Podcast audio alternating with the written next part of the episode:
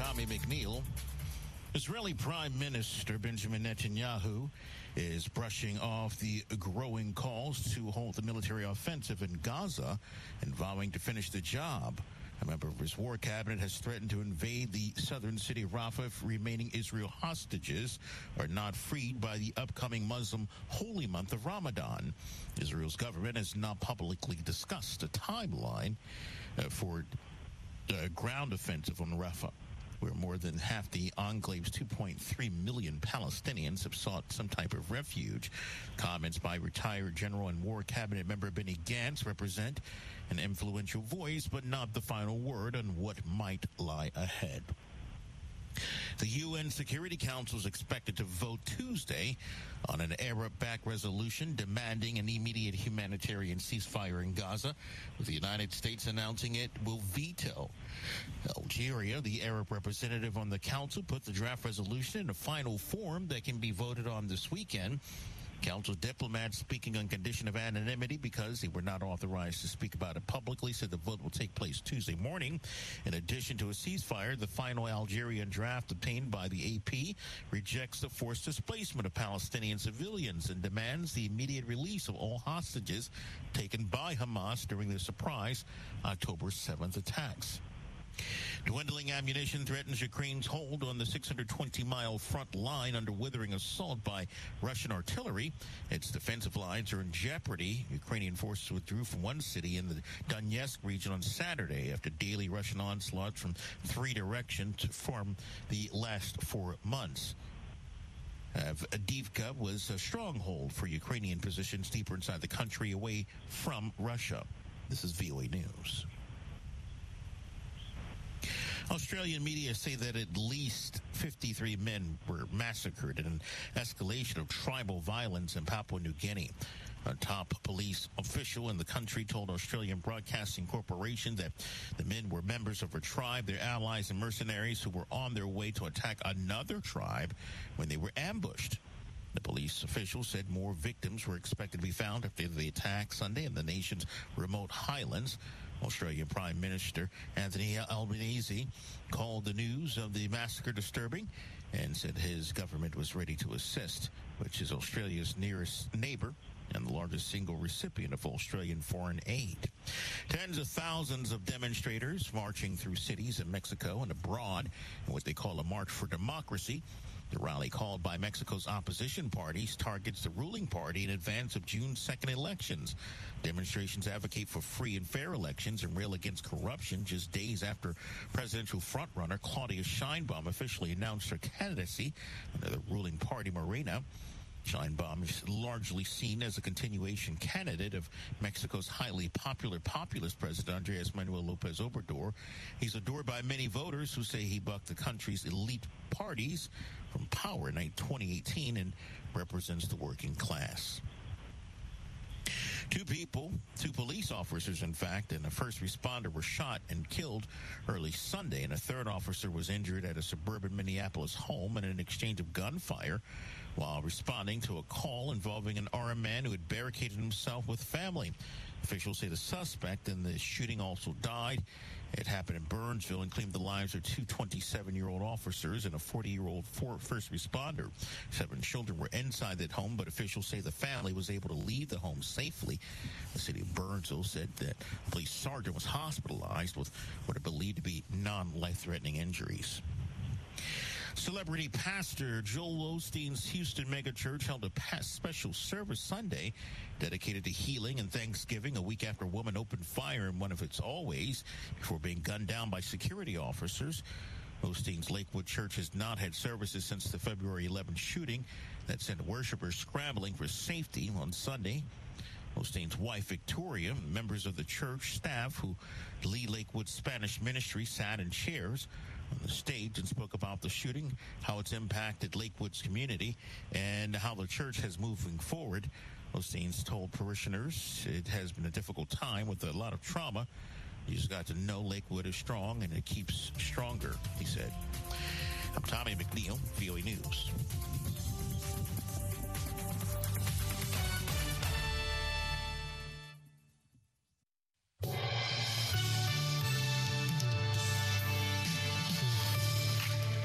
Citizens are being arrested for paying tribute to opposition leader Alexei Navalny. I think it's a really big trauma for all of Russians who do not support Putin.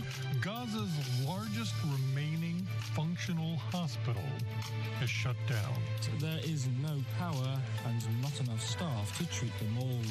And it was one of the most liberal drug policies in the world. But it hasn't worked. People on sidewalks, corners, and benches crouched over torchlighters held up to sheets of tinfoil or meth pipes.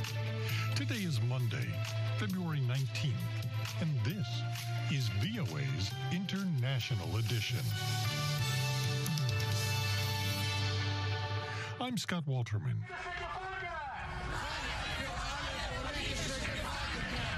Russian citizens and expatriates scattered all over the world are protesting and mourning the sudden death of Russian opposition politician Alexei Navalny. This group is in Berlin. The sudden death of Navalny was a crushing blow to many Russians who had pinned their hopes for the future on President Vladimir Putin's fiercest foe. Global leaders joined them in condemning Putin, who is almost universally blamed for the death. Here's VOA's Arash Arabasadi. In St. Petersburg, men removed flowers from a makeshift memorial honoring dead Russian opposition leader Alexei Navalny. Almost immediately, new flowers took their place. Just one day earlier, police detained mourners for laying flowers in Navalny's honor. Independent Russian media and human rights group OVD Info reported no fewer than 400 detentions at events across some 32 cities after news of Navalny's death broke late last week. Navalny had been a longtime critic broadly of the Kremlin and specifically of Russian President Vladimir Putin. In December 2020, he accused Russia's security agency, the FSB, of poisoning him with a confirmed Russian made nerve agent. Russia officially blames Navalny's death on an undisclosed illness at the Arctic penal colony where he was serving a 19 year sentence. Western leaders aren't buying it. U.S. President Joe Biden at the White House as carried by U.S. network pool and provided by the Associated Press. Make no mistake, Putin is responsible for Navalny's death. Putin is responsible. What has happened to Navalny is yet more proof of Putin's brutality. No one should be fooled, not in Russia, not at home, not anywhere in the world. The news of Navalny's death came less than one week after former President Donald Trump told supporters at a rally that if reelected, he would encourage Russia to do, quote, whatever the hell they want to NATO members he felt weren't spending enough money on defense. Trump remains the Republican Party's front runner to challenge Biden for the presidency in November.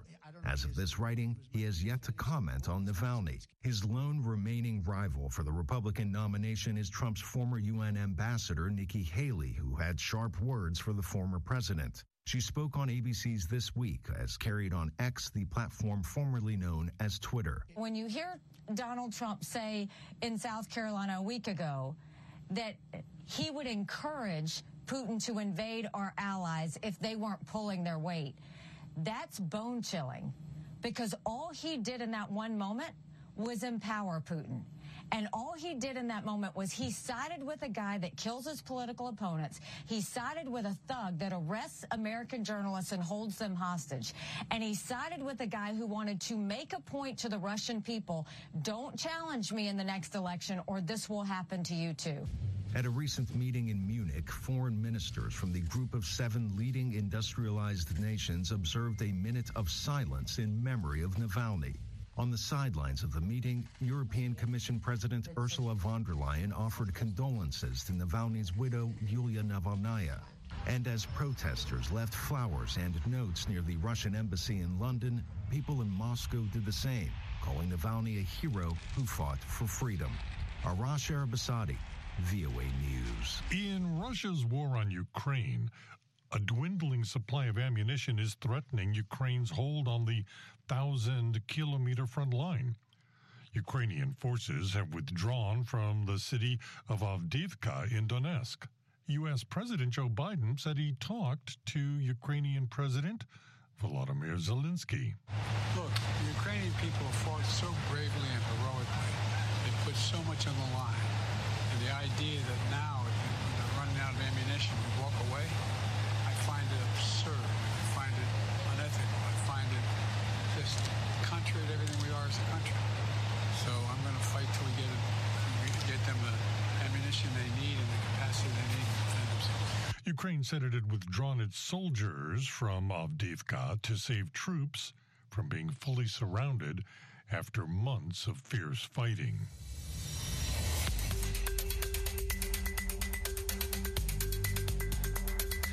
Following these other stories from around the world.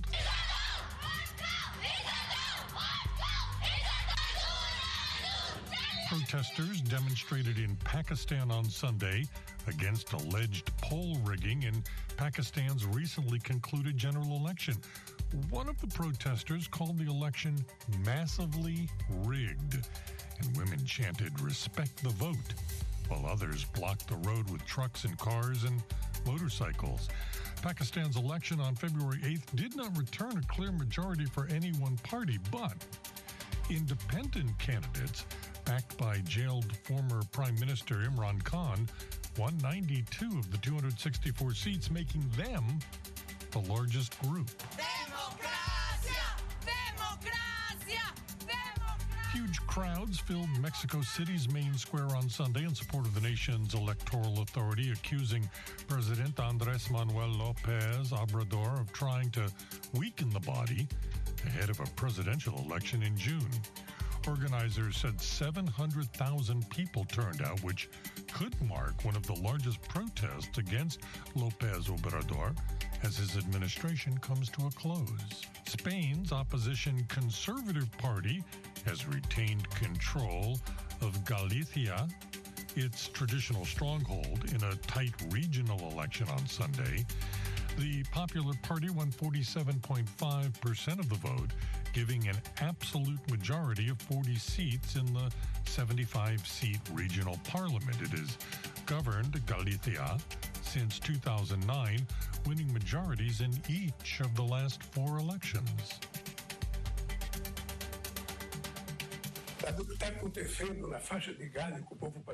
Brazilian President Luiz Inácio Lula da Silva likened the Israeli war against Hamas militants in Gaza to the Nazi genocide during World War II on Sunday. Israel later reacted to his statement, accusing him of trivializing the Holocaust and causing offense to the Jewish people. Israeli Prime Minister Benjamin Netanyahu described the remarks as disgraceful and grave. Israel's cabinet said Sunday that it rejects the unilateral recognition of a Palestinian state. The news came amidst growing calls by the United States and other countries for a two state solution as the Middle East conflict worsens. Here's VOA's Veronica Balderas Iglesias with the details. Israel's cabinet Sunday approved a so-called declaratory decision that opposes the unilateral recognition of a Palestinian state. The measure was brought to a vote by Prime Minister Benjamin Netanyahu. Israel categorically rejects international edicts on a permanent arrangement with the Palestinians. Such an arrangement will be achieved only through direct negotiations between the sides. Recognition such as that, following the massacre of October 7, will grant a major prize to terror. He was referring to last year's terrorist incursion in which Hamas militants killed around 1,200 people and took about 240 people hostage. The Israeli cabinet's vote came a day after U.S. Secretary of State Antony Blinken met with Israeli President Isaac Herzog on the sidelines of the Munich Security Conference. While a strong supporter of the Jewish state, the United States has also been a longtime proponent of a two state solution to permanently end the conflict in the Middle East. Uh, we're thinking of the suffering of people caught up in the middle of, of conflict, including the Palestinian men, women, and children in Gaza. Uh, we're thinking as well of the genuine opportunities that lie before us for a better, more secure uh, future for Israelis, Palestinians, uh, and all of our friends uh, in the region. On the ground, Palestinians were seen Sunday inspecting the damage caused by an Israeli strike in Rafah, where the population is gearing up for an Israeli ground offensive. Already more than 28,000 Palestinians have been killed in the war, according to the Hamas run Gaza Health Ministry. United Nations health officials said Nasser Hospital, the second largest in Gaza, is now, quote, completely out of service. And residents of the Jabalia refugee camp in the northern Gaza Strip held protests on Saturday complaining about food and medical shortages. Amirabul Qasem is one of the affected. Epidemics and diseases are spreading among our people in North Gaza, where there are no medicines. If they are available, a citizen cannot afford to buy them. Condemnation of the Israeli offensive was loud over the weekend at an African Union summit in Addis Ababa. Algeria is expected to present a plan to the United Nations Security Council this coming week, calling for an immediate ceasefire in Gaza. The United States has already expressed opposition to the draft resolution, arguing it favors an alternative it has been working on with its partners that would include at least a six week pause to the hostilities and the release of more hostages. Veronica Balderas Iglesias, VOA News. What was Gaza's largest remaining functioning hospital went completely out of service on Sunday. Gaza and United Nations health officials say there's no power and not enough staff to keep the Nasser hospital in Khan Yunis running. Reuters correspondent David Doyle. Scores of patients are still sheltering in Nasser Hospital in the southern city of Khan Yunis, a spokesperson for Gaza's Hamas run health ministry said. But there is no power and not enough staff to treat them all. This was Nasser on Thursday after a raid by Israeli forces. Gaza's hospitals have been a focal point of Israel's four month bombardment. Most have been put out of action by fighting and a lack of fuel. That's left the enclave's 2.3 million population without proper health care. Tens of thousands have been wounded by airstrikes, many others suffer from chronic illness and, increasingly, starvation. Israel alleges that Hamas has been keeping weapons and hostages in medical facilities. Hamas has denied that its fighters use hospitals for cover. The World Health Organization has urged Israel to grant its staff access to Nasser so that it can assess the conditions of patients and any critical medical needs. Reuters correspondent David Doyle.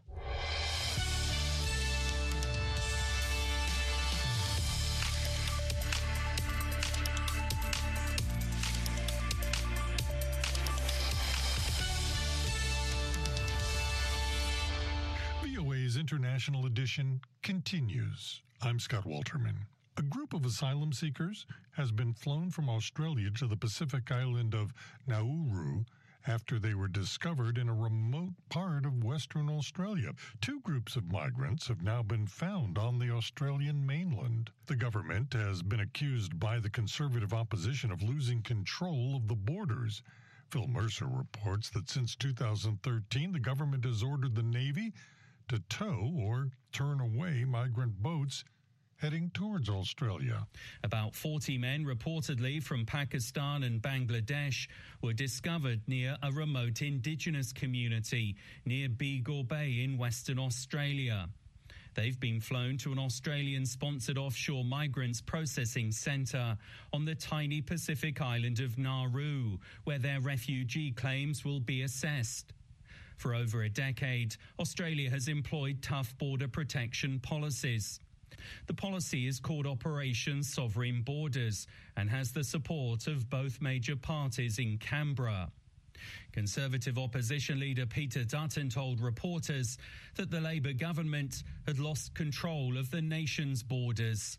I don't know whether the same level of surveillance is being undertaken as was the case when we were in government. But Prime Minister Anthony Albanese told local media that his government remains committed to securing Australia's maritime borders. Operation Sovereign Borders is in place. If you arrive here by boat, you will not be settled here. Migrants arriving by boat seeking asylum in Australia are not committing a crime. Australia calls them unauthorised maritime arrivals. The number of boat arrivals in Australia has been relatively small in recent years.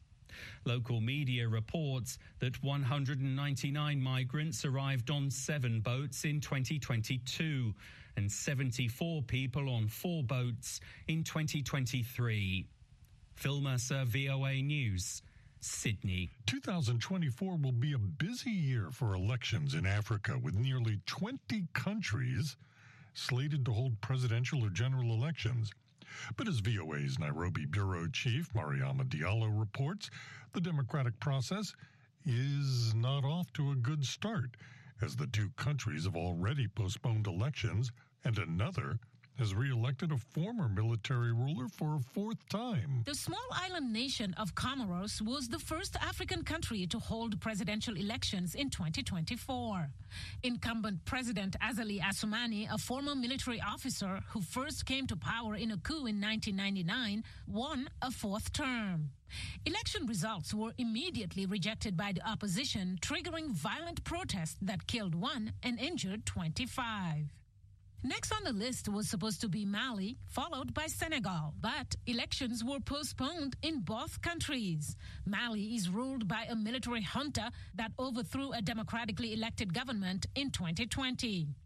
Edgar Githua of the United States International University Africa says that elections may not take place in Sahel countries that have recently experienced coups. Burkina Faso, Mali, Niger have promised in a transition they will not transit. All these military juntas are trained military soldiers. They do not know how to govern.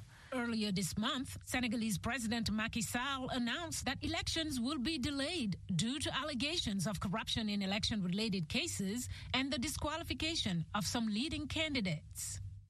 Some in the opposition have called the delay a constitutional coup. Lloyd Gouveia of the University of Pretoria Law School in South Africa told VOA it seems like Sall wants to stay a little longer. Can we really trust Macky Sall? Especially after everybody knows that he had intentions for going for third term. In East Africa, Rwanda has had the same president since 2000. Rwanda is the paradox of Africa. Paradox of Africa because the Rwandese themselves are afraid to talk about their own election. If you have a vote where 98% of the population vote for one candidate, that is a red flag. Nobody is that popular in this world. Githua says Paul Kagame will once again win the elections with over 90% of the vote in his favor. In South Africa, the African National Congress has been governing since 1994 when Nelson Mandela was elected president following the end of apartheid in the early 1990s. But there may not be business as usual, Gouveia says. The ANC will win the election, but not with an outright majority. He notes that allegations of corruption, scandals, and disunity within the ANC are already helping the opposition, including the Economic Freedom Fighters Party led by Julius Malema, a former ANC youth leader. Mariama Diallo, VOA News, Nairobi. And finally, in 2020, people in the U.S. Pacific Northwest state of Oregon voted to create the most liberal drug law in the United States. They decriminalized the possession of small amounts of illicit drugs to put hundreds of millions of dollars in marijuana taxes to addiction recovery services. It hasn't worked. Reuters correspondent Freddie Joyner says that law is now being reconsidered since Oregon decriminalized the possession of small amounts of illicit drugs. This has become a common sight in the state's most populous city of Portland. People on sidewalks, corners, and benches, crouched over torchlighters held up to sheets of tinfoil or meth pipes. This number here? And officers like David Baer issuing drug citations to users. Fentanyl came on the scene at the same time that decriminalization happened, and then we saw an explosion in public drug use downtown, and uh, unfortunately that brought other issues into downtown, such as you know gun violence and uh, other crime. Touted as a revolutionary approach at the time, Oregonians passed Measure 110 in 2020. Its goal was to treat addiction as a public health matter, not a crime. It made it so police could issue $100 citations, along with a card that lists the number for an addiction treatment services hotline. Instead of being arrested, the individual would call in exchange for help dismissing the citation. But state data shows only 4% of people who received citations called the hotline. All summer long, we were right out in the open, and, and you didn't have to be paranoid anymore. You didn't have to worry about the cops. John Hood is a 61 year old who uses drugs on Portland streets. Now, and I knew this was coming, um, they're cracking back down. They're wanting to make it illegal. According to the U.S. Centers for Disease Control and Prevention's most recent annual figures, nationwide, drug overdose deaths rose seven tenths of a percent to more than 109,000 Americans in 2023. Compared to the previous year, Oregon's increase over that period was 11%. Facing public pressure amid the surge in overdose deaths, state lawmakers are preparing to vote on recriminalization. Democrats, who are the state house majority, are pushing for a bill to make small scale drug possession a low level misdemeanor, punishable by up to 30 days in jail, with the opportunity to seek treatment instead of facing charges. State Senate Majority Leader Kate Lieber. It became very, very obvious that what was happening on the streets of Portland and what was happening on Main Street, Oregon, was unacceptable. And we could not wait any longer to wait for the system to catch up. We needed to do something immediately. The proposed bill also carries harsher sentences for drug dealers, wider access to medication for opioid addiction, and expanded recovery and housing services along with drug prevention programs. But Republican lawmakers say the bill doesn't go far enough. Their proposal includes up to a year in jail for drug possession, with the option for treatment and probation instead of jail time. Tera Hurst, whose Oregon Health Justice Recovery Alliance focused on Measure 110's implementation, does not believe the proposed change will be effective. It's not actually going to save lives or help people get into services or really other than it's going to create barriers to housing and employment, um, which is what criminal records do. Reuters correspondent Freddie Joyner. This has been International Edition on the Voice of America. On behalf of everyone at VOA, thank you so much for joining us. For pictures, stories, videos, and more, follow VOA News on your favorite social media platform and online at voanews.com. In Washington, I'm Scott Walterman.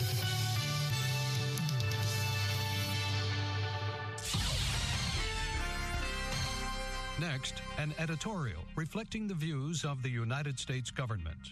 President Joe Biden calls the war between Israel and Hamas the issue that's front and center in the Middle East and beyond. The United States continues to work tirelessly to achieve an agreement that would not only allow for the release of the hostages held by Hamas in Gaza, but would allow a pause that would enable delivery of humanitarian assistance to alleviate the suffering of Palestinians on the ground. We're looking for a temporary pause as part of a hostage deal, said National Security Advisor Jake Sullivan and then to build on that into something more enduring. What we would like to see is that Hamas is ultimately defeated, that peace and security come to Gaza and to Israel, and that we then work towards the longer term issues related to a two state solution with Israel's security guaranteed.